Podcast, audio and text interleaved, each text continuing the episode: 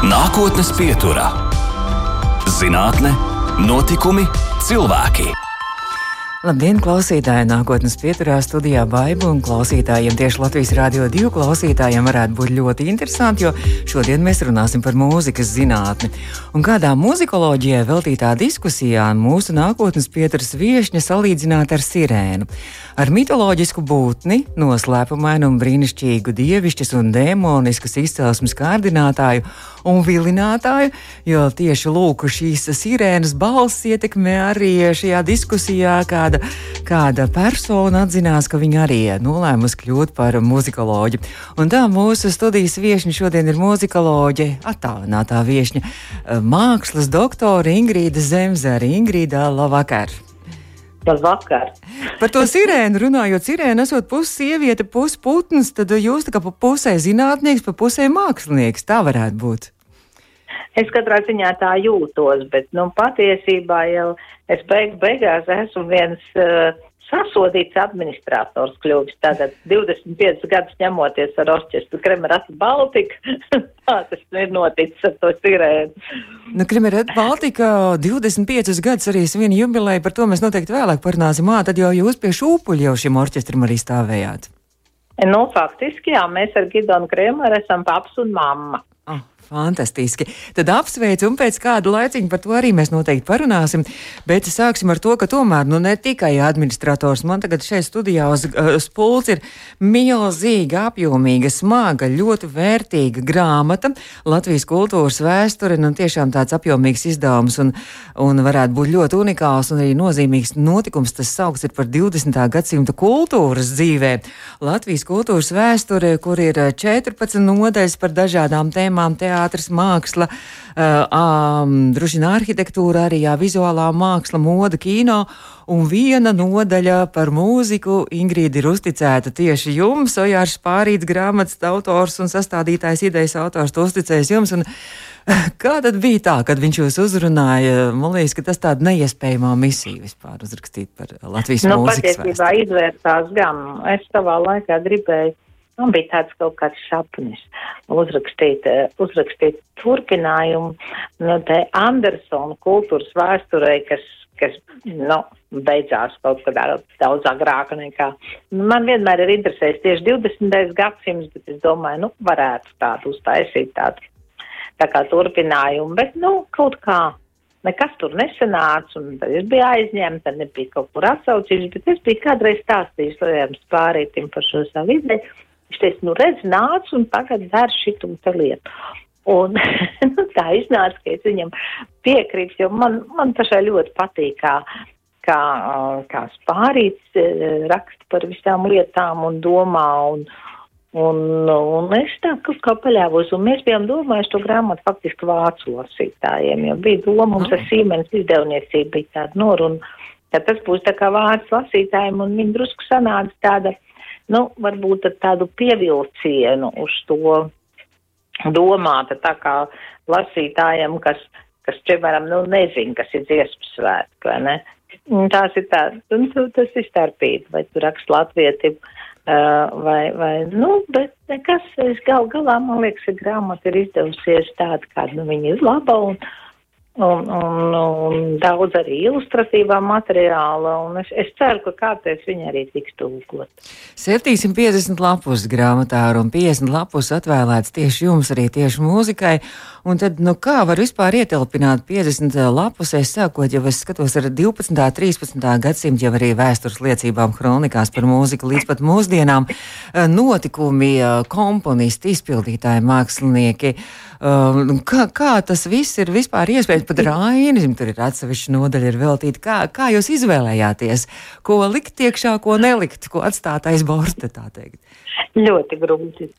Tas patiešām ir ļoti grūti, tāpēc, ka, redziet, mm, tādām mm, mākslām, kas ir saistīta ar, ar vārdu, ar valodu, un tur ir vienkāršāk noteiktās robežas, jo viņām eksistē robežas. Piemēram, Nu, literatūrai. Nu, skaidrs, ka literatūra -hmm. sāks ar to brīdi, kad literatūra sāks, um, teiksim, kad izturu sāk, pieņemsim, izdot latviešu valodā, nerunāsim par mutvārdu folkloru, ne? Mm -hmm. Bet tad, kad, nu, tās pirmās liecības izdotā literatūra vai teātris, un tad, kad sāk teātris spēlēt latviešu valodā, tad tas ir latviešu teātris sākums. Un tur ir, nu, tur ir kaut kur, es nezinu, pāris gadsimtu, un, un to var tā jauki apskatīt.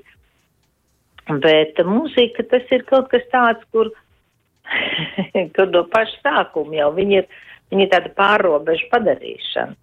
Un, un, un nogriezt latviešu muziku, nu, viņi ir jāskatās kontekstā, kas tajā laikā notiek visapkārt. Un, un faktiski Latvijas, nu, Latvijas muzika, viņa jau visu laiku bija diezgan tāda, viņa nebija nekāda margināla, margināla padarīšana Eiropā. Viņa bija tāda mm, Rīga un Rīgas muzikas dzīve Un viss, kas te notika, tas bija tāds kopsolī, kopsolī ar visiem citiem. Mums ir kaut kāds tāds mazvērtības kompleks, ka mēs tādi šitādi.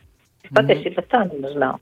Nu, droši vien, ja, ja, ja zinām, vien, ka Vāgners ir pie mums arī dzīvojis, un, un, un kā mēs zinām, tad uh, Vāgneram arī ir veltīta jūsu grāmatā arī tur nu, ne, negluži nodaļa, man liekas, pat nodaļa arī uz tajā pētījumā. Ja?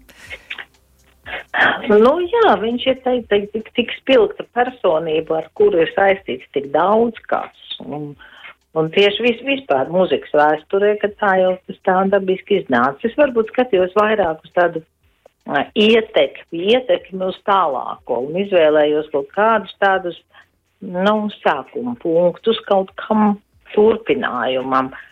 Nu, un, nu, jūs zināt, ka, piemēram, pirmā, pirmā um, pirmā dziesmu spēle, um, kas, kas ir um, sarakstīta lēs vācu valodā, nevis kādā vispār zināmā valodā, latīņa vai, vai kā toreiz notika viss kultūra, ja? bet, bet lēs vācu valoda, kas bija tā valoda, ko runāja šis te areāls, ja? Uh, tā notika Rīgā, viņš sarakstīja Rīgā, un tas arī mums tur ir aprakstīts, jo, protams, un tas ir gan teātra notikums, gan mūzikas notikums, mm -hmm. jo arī mhm. mūzika ir rakstīta šeit. Un, nu, starp citu, nesen mm, viņa tika pirms kādiem gadiem e, viena sezonas mūzikas festivāla atklāšanā to, to pazudušī dāvu. Viņi, viņi te, te uzved spīķeru pagalmā. Tas bija tāds, nu, tāds vēsturiski mm interesants moments. Bet, run, bet runājot eh, par, eh, par eh, šo, vēl atgriežoties vēl pie šīs Latvijas kultūras vēstures, pie mūzikas tieši daļas, um, tātad šīs 50 lapus vēlreiz atgādina, cik gada darbs tas ir.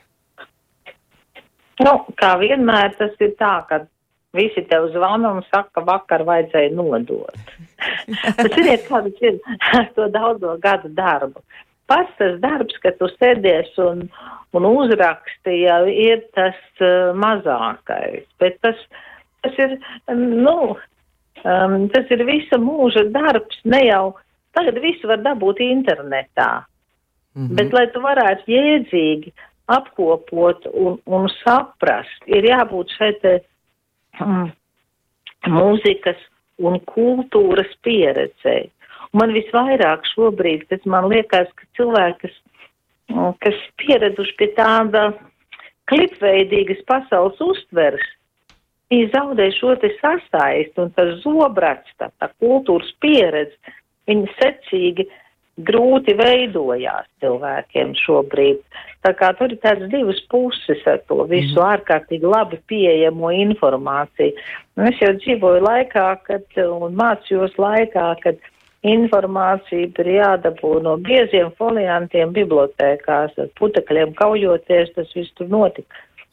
tas bija drusku citādāk, bet jā, tas ir žēl, ka to, to, tieši to, to pieredzi, kas ir krājās daudz gadu laikā, to jau nevienam mm. tā nevar atdot. To var tikai tā nu, kaut kā izpaust. bet, bet, runā, jā, bet runājot par muzikoloģiju, tad uh, mūz, muzikologs, nu tās nav tikai zināšanas uh, mūzikā, tur, protams, ir arī viss konteksts, uh, kā jūs teicāt, arī kopsakarības. Tur ir jāzina laikmeta raksturojums un arī, teiskot, arī politiskā aina un saistība ar citām kultūras jomām, arhitektūra, teātris, glezniecība, acīm redzot moda. Tas viss ir viens milzīgs komplekss. Un tas jau ir tas skaistākais šajā profesijā. Ziniet, tas ir pats skaistākais, ka tā viņa e, mūzikas vēsture. Viņa aptver milzīgi plašu to, to, to lauku. Ja mēs runājam par mūzikas teoriju, tad jā, tad tā ir ārkārtīgi atkal specifiski dziļa nozara. Un ir iespējams ieiet kaut kādās tur, nu, Es nezinu, piemēram, mūsu komponists Georgs Pelētis, kurš ir pētījis palestrīnas polifoniju un saņēmis arī uh, Romā balvu par šo savu darbu, ja, uh, jo tas ir izcils pētījums, un viņš ir, es nezinu, arī kāds 300 lapus tur ir tikai par vienu palestrīnas nu, par rakstības metodi, kas ir, nu, mūzika atšķiras no citām mākslu zinātnēm ar savu, tas ir tā kā valodniecība, ja? Mm. Viņai ir absolūti eksakti pamati. Jūs varat, jūs varat, tas slavenais, jūs tiešām muziku varat izpētīt matemātiski, mm -hmm. tāpēc, ka skaņas augstumi ir atkarīgi no spīgas dalījuma. Un tā ir tīrākā matemātika. Un jau Pitagors to zināja, un tas viss tā ir gājis uz priekšu. Un harmonija arī, man harmonija arī. Jā, jā, jā. Akordus būvējot, tur arī ir savu likumu. Tie ir tie likumi, tie tieši mm -hmm. tās Un tas ir milzīgs likumu tāds pamats šī eiropeiskai muzikai. Un citām muzikām būs citādāks, ķīniešiem vai indiešiem vai, vai kā mēs runājam par šo te rietumu mūziku, mm -hmm. ja, kur nemitīgi ir tādā tā kā attīstībā un, un, un, un tradīciju laušanā un atkal atgriežas, ja, un tā kā, tā kā tas spirāli veida attīstīt. Un Jā, un, un tas ir tas, to, to atšķirt, teiksim, no mākslas zinātniekiem vai citiem, kuri mazāk tāda, mm, vai, vai, vai, vai teātra zinātniekiem, kurš, kurš nevar izmērīt to aktieru no iekšas un no ārpuses. tas es atceros, kādreiz mēs strādājam zinātņu akadēmijā. Um, teātra, mūzikas un literatūras institūts bija tāds tīri pētnieciskais institūts. Un, un, un mani kolēģi, kurus uzskatu par brīnišķīgu teātra kritiķu un teātra zinātnieci, um, um, arī Tišēzer, teica, ka viņa apskauž muzikologs par to, ka ir šīs te ār, ārkārtīgi eksaktais pamats pierādāmais, jā, un tur nas nav. Uh, bet, nu, protams, ka tā stāsta tikai viena puse, mm -hmm. otra puse ir šīs te plašās sakarības, ko jūs teicāt. Un, un tas ir tik interesanti, jo muzikā tur ir, es nezinu, tur ir gan sociālais elements, vai ne, gan, gan tas skaistuma izpratne un, un jūtas, un viss tas ir. Nu, Tāpēc arī mēs mīlam mūziku. Tāpēc mēs arī mīlam mūziku. Ingrīda Zemzere šobrīd ir mūsu attālinātā viesņa. Ingrīda, pēc brīža turpināsim, un droši vien arī vairāk jūs teicāt, tas jūsu lauciņš ir 20. gadsimts, par to arī mēs parunāsim eh, sarunas gaitā. Bet šobrīd Ingrīda Zemzere, mākslas doktora, ir mūsu attālinātā viesņa un arī muzikoloģa.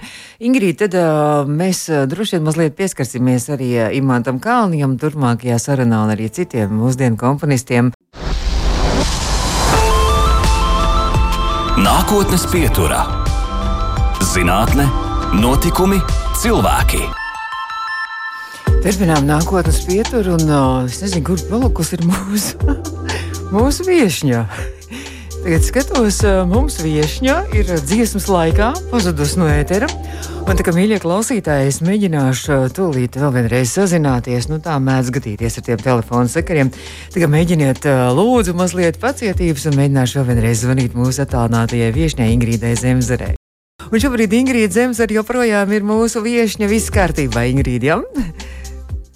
Jā, halo! Jā, jā viss kārtībā. Jā, jā es, mēs arī jūs dzirdam, un lūk, um, mums ir jau, man šeit studijā ir nākamā grāmata priekšā un atšķirt Ingrīda Zemzara un jūsu kolēģis Guntars Pupa jauno mūzika.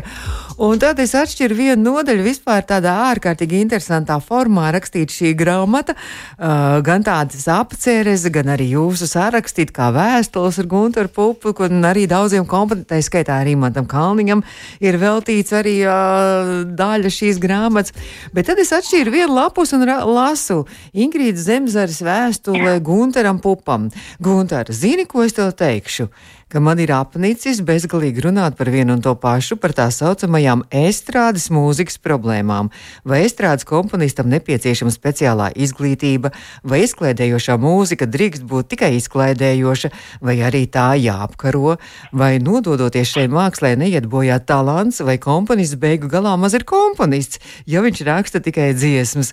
Un tā joprojām, un tā vienu, vai tas neatgadina tādu rīņķa dānci. Ingrīda, man liekas, nu tāda pilnīgi tāda tādi pravietiski vārdi rakstīti 1979. gadā. Man liekas, ka nekas nav mainījies arī šobrīd, 2022. gadā, vai ne? Tu man šķiet, ka daudz kas ir mainījies. Jo, Tomēr. Nu, jā, daudz kas, jo tāpēc, ka nu, tā mūzikas izplatība un pieejamība. Jūs nevarat, jūs laikam nevarat pat iedomāties, kāds ir 1979. gads vai dieniņa. Nu, nav taču, nu, toreiz iedomājies, ka šo visi jautājumi, ko es tagad, nu, ko es tur biju uzrakstījis, mm -hmm. ja, un par kuriem es saku, man ir apnikuši. ka tos taču bezgalīgi apsprieda visādās komitejās, sapulcēs, komponistu savienībā vai dieniņ. Imants Kalniņš 4. simfonija, tur bija tāda tāda mode, ka, nu, vispār tas nemaz nebija tik, tik, tik, tik slikti, ka kolēģi mm, apsprieda kaut kāds jaundarbs, ka bija kāds jauns darbs, tad viņam bija liela rezonans, un tad nāca tur apspriest, un tad es atceros, ka kompozīcijas pasniedzējs Džedars Ramans ārkārtīgi jauks cilvēks, brīnišķīgs. Un, un viņš, viņš sāka tur tā gudri spriest par to, ka Un ka jau lūk tā ceturtā daļa, kas ir uzrakstīta tiešām tā kā dziesmu cikls, no tā kā kaut kāda tāda rapsodija vai, kā, un, un, ka, nu, vai tas maz ir simfonijas fināls, jo, jo, nu, protams, pa klasisko mm sonātu simfonijas ciklu tur bija runa. Un vai tas ir fināls, un man ārkārtīgi uzjautrināja, ka, ka Imants Kalniņš uz to atbildē, ka viņš teica, bet, bet vai tad Parīzē kaut kur ir kāds finālais talons? Kas ir fināls un kas nav. Un tāpat nav jau tāda etalona, kas ir komponists vai kas nav. Nu, tas ir, bet, uh, nu jā, uh, toreiz bija ļoti svarīgi būt komponistu savienības biedram, un tad bija svarīgi, kā to skaņdarbu vēl nosauc. Es arī pats piedalījos tādā um, par, um, par, par vieglās muzikas, tā toreiz sauca laikam par vieglās muzikas kaut kādām tur lielām lietām Maskavā. Tur bija tāda liela konference un ārkārtīgi gudri cilvēki tur bija arī. Un tad um, cilvēks, uh, kas bija uzrakstījis, uh, nē, ne, Rib, vai tas nebija Ripņikovs, viņš bija viens no tiem lielajiem krievu komponistiem, tiem, nu, kas rakstītās uh, no, mūziklus un, un operas. Viņš bija, viņš pa visu var gribēt pierādīt, ka tas, ko viņš ir uzrakstījis, ir opera. jo pēc tam es tikai sapratu, ka, ka viņam bija ļoti svarīgi, jo tas kultūras ministrijas izcenojums mm. operai ir pilnīgi cits, ko maksā. Mhm. -huh. un, un, ja tas saucās teātra mūzika vai, vai, nu, es nezinu, vienalga kas cits, tad tas izcenojums ir daudz zemāks. Un tad, nu, jūs saprotiet, nu, bija, bija, bija liela nozīme mm -hmm. visam šitādām te runām. Šodien tam vairs nav nekāda mm -hmm. nozīme, ir, ir tirgus. Mm -hmm. Un jums maksā tik, cik jums par to maksā. Un, un nu, nu, tam nav nekāda nozīme, kā to sauc. Un, ja jā. jūs esat topā, tad jums maksā. ja jā, esat pieprasījis. Nu, nu, un, un viss ir citādāk, un taču nebija ne kompjūtera, ne YouTube, ne, ne, ne, ne kā cilvēki. Es vēl piedzīvoju tos brīžus, kad Ulds Stabulnieks, Ulds Stabulnieks uh, aizbrauc uz, viņš Monako, vinnēja džeza tēmu konkursu. Mm -hmm. un, un viņam, un, un, un tad viņš dabūja to, to valūtu, un valūtu ievest viņš nevarēja, un tad viņš kaut kā tur aizbrauc, viņš bija plates. Viņš bija palūdzis, lai pa visu to naudu viņam nopērk tādas plates, kādas šeit nevarēja dabūt. Un tām arī vērtība Dabūt šeit plates, jā, mm -hmm. tā bija tā vērtība. Jūs saprotat, ir pilnīgi cits laiks, tu nevarēji nospiest pogu savā, savā kompjuterē mm -hmm. un sameklēt, ko tu tur gribi. Mm -hmm. Tā bija liela, liela lieta. Un pirmos bītli ierakstus uz tādām lokanām platītēm. Viņš irkstēja, bļurkšķēja, tur saprast nevarēja pilnīgi neko.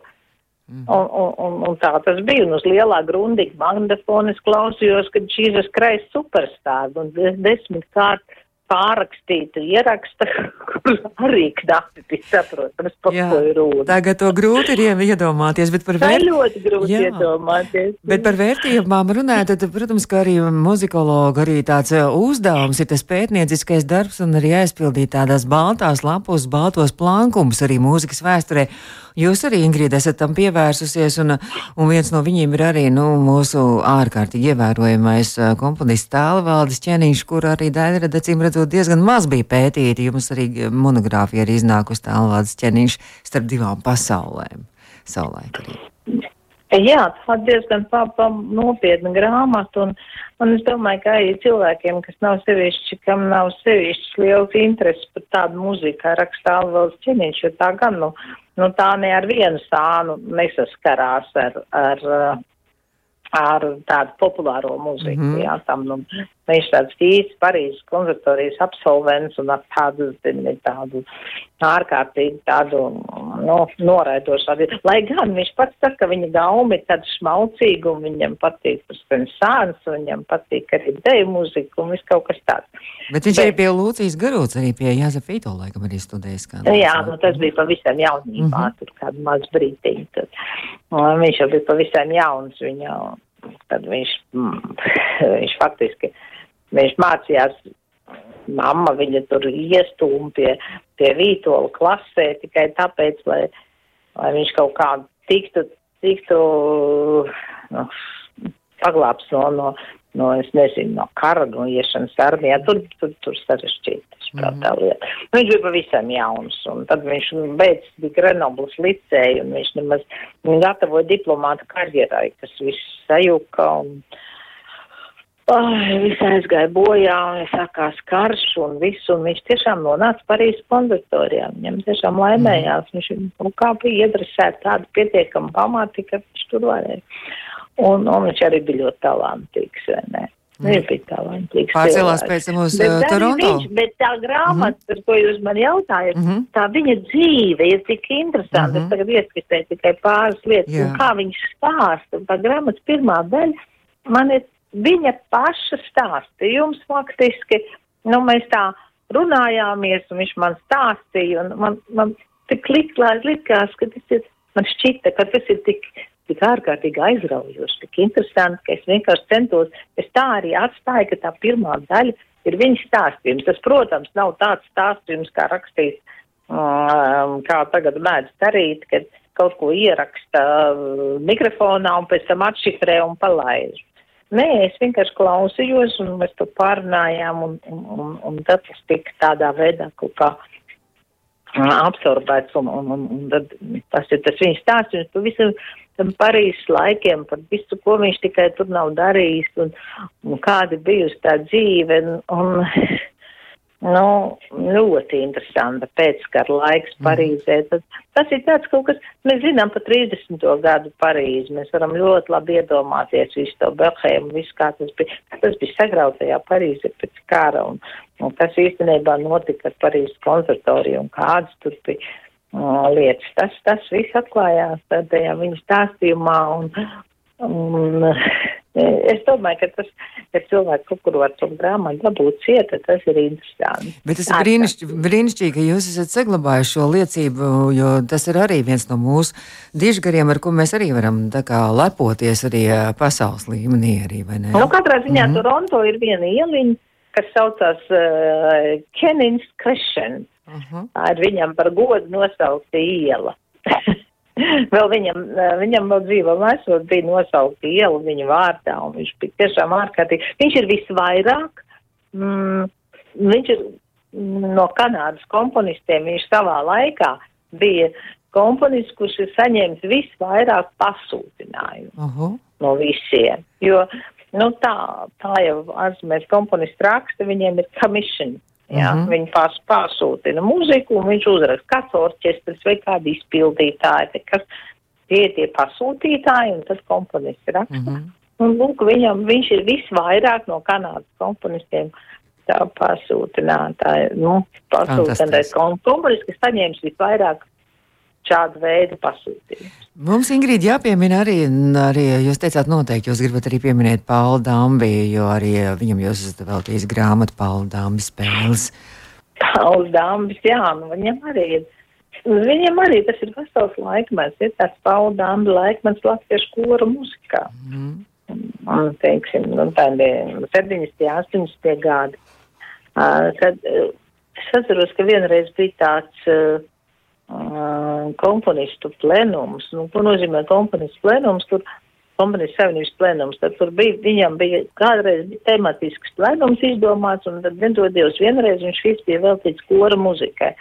Un tad es atceros, ka kādā savā recenzijā es rakstīju, ka tāda sajūta, ka būtu nu, Paula klases vakars, jo vienu brīdi visi komponisti mēģināja rakstīt apmēram tā kā, vai nu kā Kalniņš instrumentālo mūziku, vai kā dāmas kora mūziku.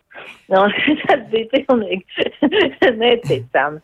Bet, ziniet, ja, ja kaut ko no Paula Dāma, kas ir absolūti pārlaists, cik daudz ir ļoti labu lietu. Bet jūras dziesmas, to dro- droši vien visi zina. Mm -hmm ir tādas jūras dziesmas, dziedāja Āves Solu. Āves Solu vispār nebija iedomājums bez Paula Dambi.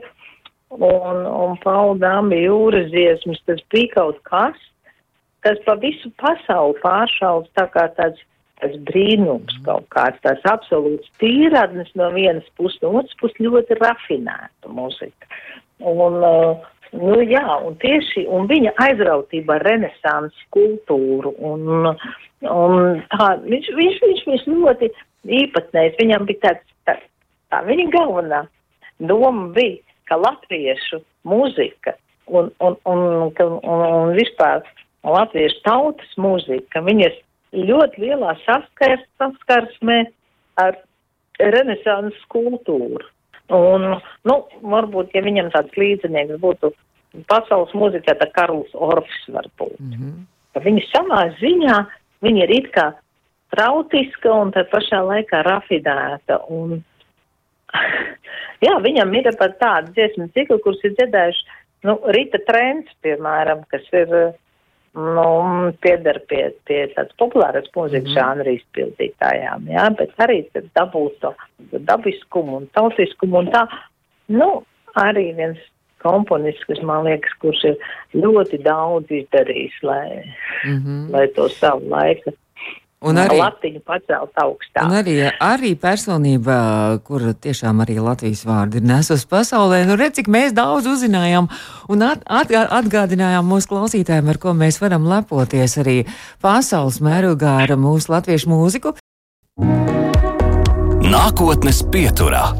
Mēs turpinām nākotnes pieturu rādījus, gan strauji tuvojas izskaņai, un mūsu attālinātā viešņā pirms tam vēl atgādināšu klausītājiem, ka pēc tam arī mūsu mājaslapā audio saiti varat noklausīties, un arī podkāstos lielākajās vietnēs šis rādījums tiek ievietots. Un mākslas doktore, mūzikoloģi Ingrīda Zemzara šobrīd mūsu attālinātā viešņa. Ingrīda, bet jūs savu ceļu mūzikā sākāt, nu, tajā talantu kalvē dārziņu skolā un mācījāties, man liekas, arī kompozīciju arī savu laiku. Nu, jā, tā bija. Tas bija kompozīcijas klasē ar saviem brīnišķīgajiem kolēģiem Mārtiņu Braunu un, un uh, Ungaru Savicki. Mēs bijām trīs. Tagad es esmu palikusi viena.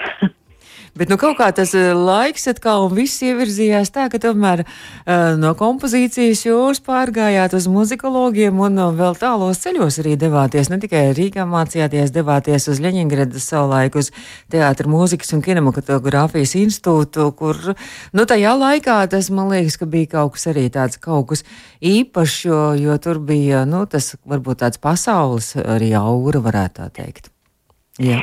Nu, tā tas tolaik bija, tie bija 70. gadi un, un, un aspirantūrā faktiski muzikologu varēja mācīties tikai um, tikai kaut kur ārpus, ārpus Latvijas. Mums nebija pietiekam, um, nu, tur bija tas profesors sastāvs un viss tas, nu, tāds, lai varētu aizstāvēt disertāciju. Mums tāds nebija nemaz Latvijā to laiku.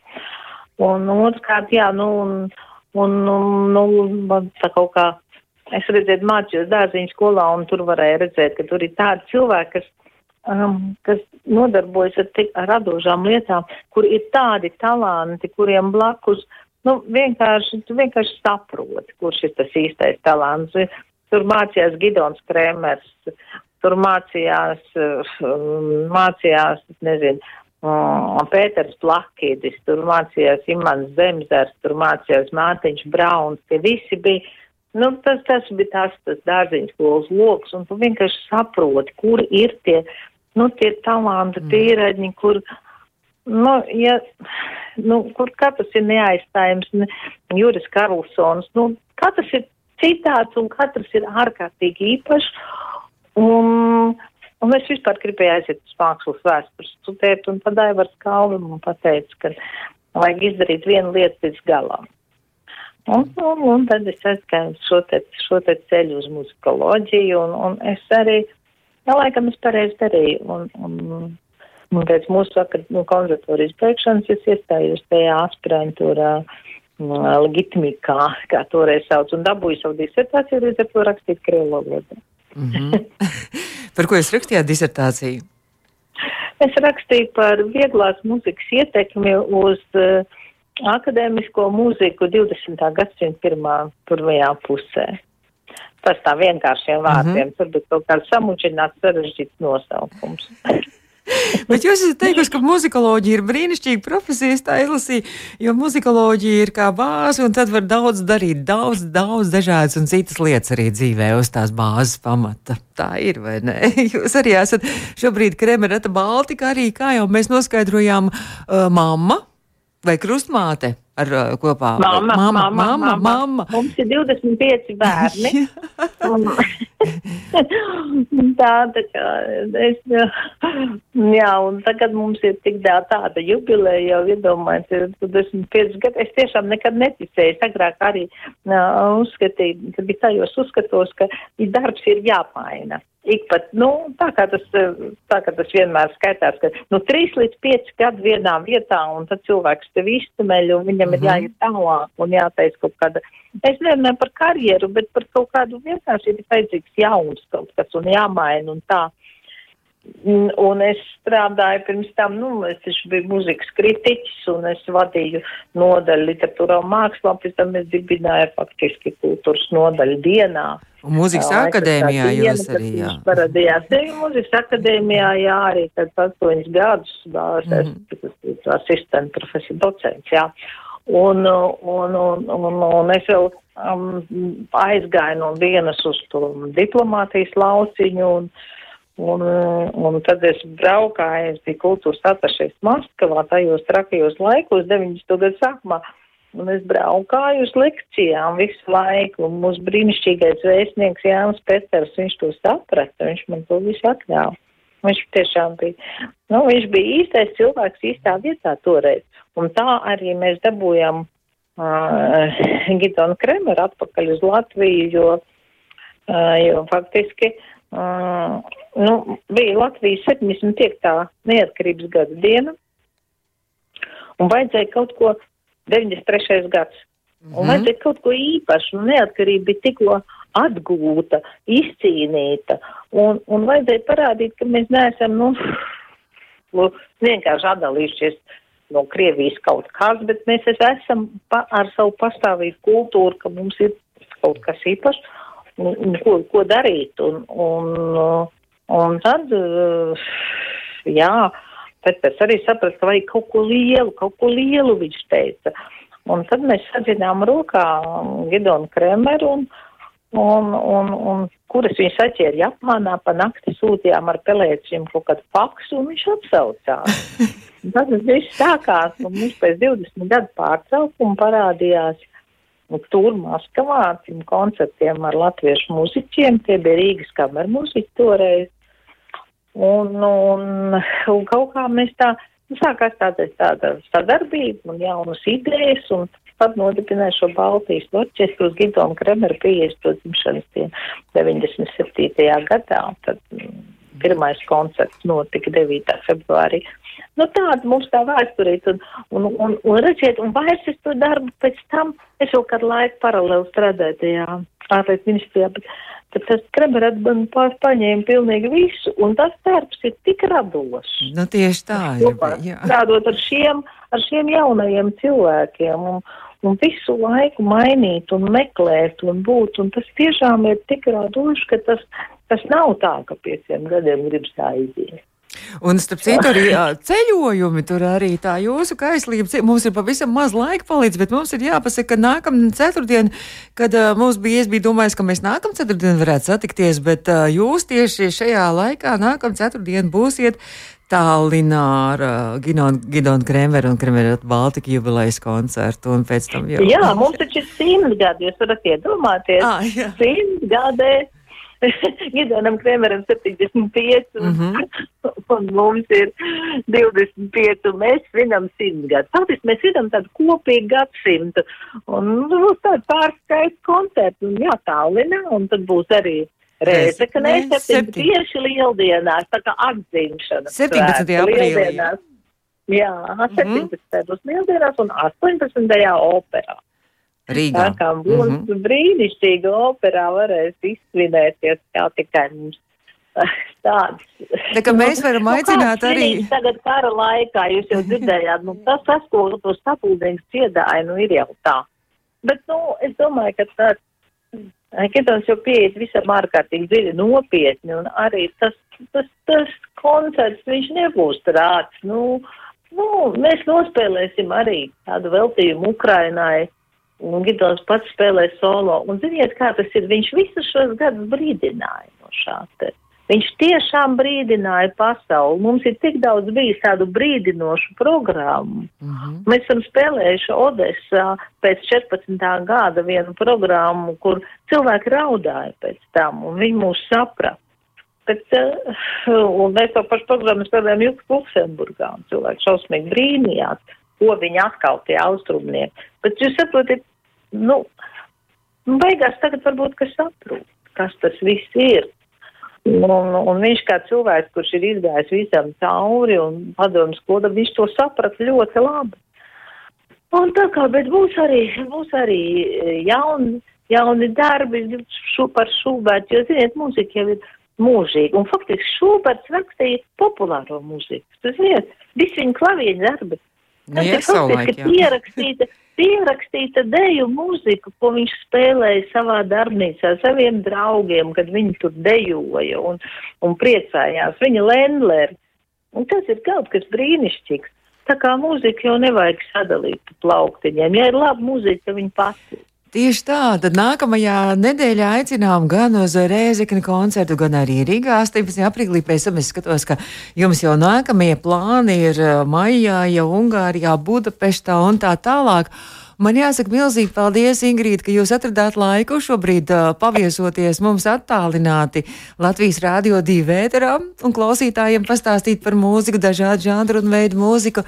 Nākotnes pieturā Ingrīda Zemzare, mūzikas uh, mākslas doktora, mūsu attālinātā viešņa. Ingrīda saka paldies jums un vēl tad trīs vārdos vēl pēdējais novēlējums varētu būt arī mūsu klausītājiem. Ko tad lai es novēlu? Ko zaļai jaunībai, lai saku? Cirmais, tik dzīvo tā, lai pēc nav jāteic vīla. Ir trausls pēdējais un visu pirmais mīla. Paldies!